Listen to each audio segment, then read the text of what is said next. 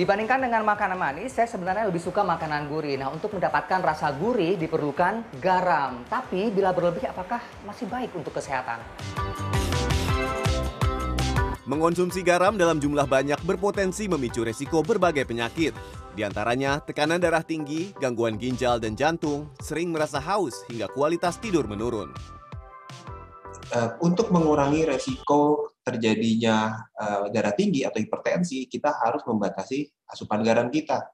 Sebenarnya intake garam kita itu idealnya sekitar satu sendok teh per hari. Satu sendok teh itu kurang lebih sekitar 5, 5 gram per garam untuk mendapatkan sekitar 2.300 mg natrium per harinya.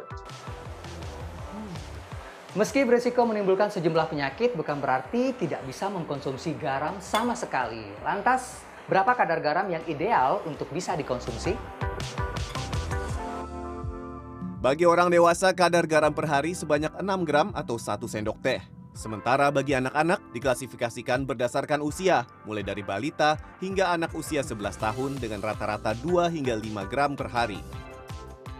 Agar asupan garam tidak berdampak buruk bagi kesehatan, berikut sejumlah tips yang dapat Anda lakukan. Gunakan garam substitusi seperti garam Himalaya, ganti garam dengan rempah dan bumbu, bisa juga menggunakan perasan lemon.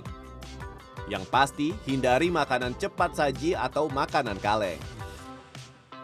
Makanan kaleng, makanan yang eh, siap saji gitu ya, frozen food atau mie instan gitu. Makanan-makanan instan itu coba deh dibaca komposisi di belakangnya. Lihat natriumnya berapa gram jadi kalau misalnya dalam satu hari untuk mendapatkan kurang lebih sekitar 2.300 mg natrium dalam satu kemasan mie instan itu kurang lebih udah sekitar 1.000 mg. Jadi itu udah hampir setengah dari kebutuhan kita dalam satu hari. Itu harus hati-hati.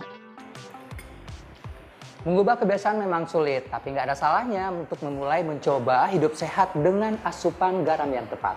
Rodi Satria, Kuncoro, Jakarta.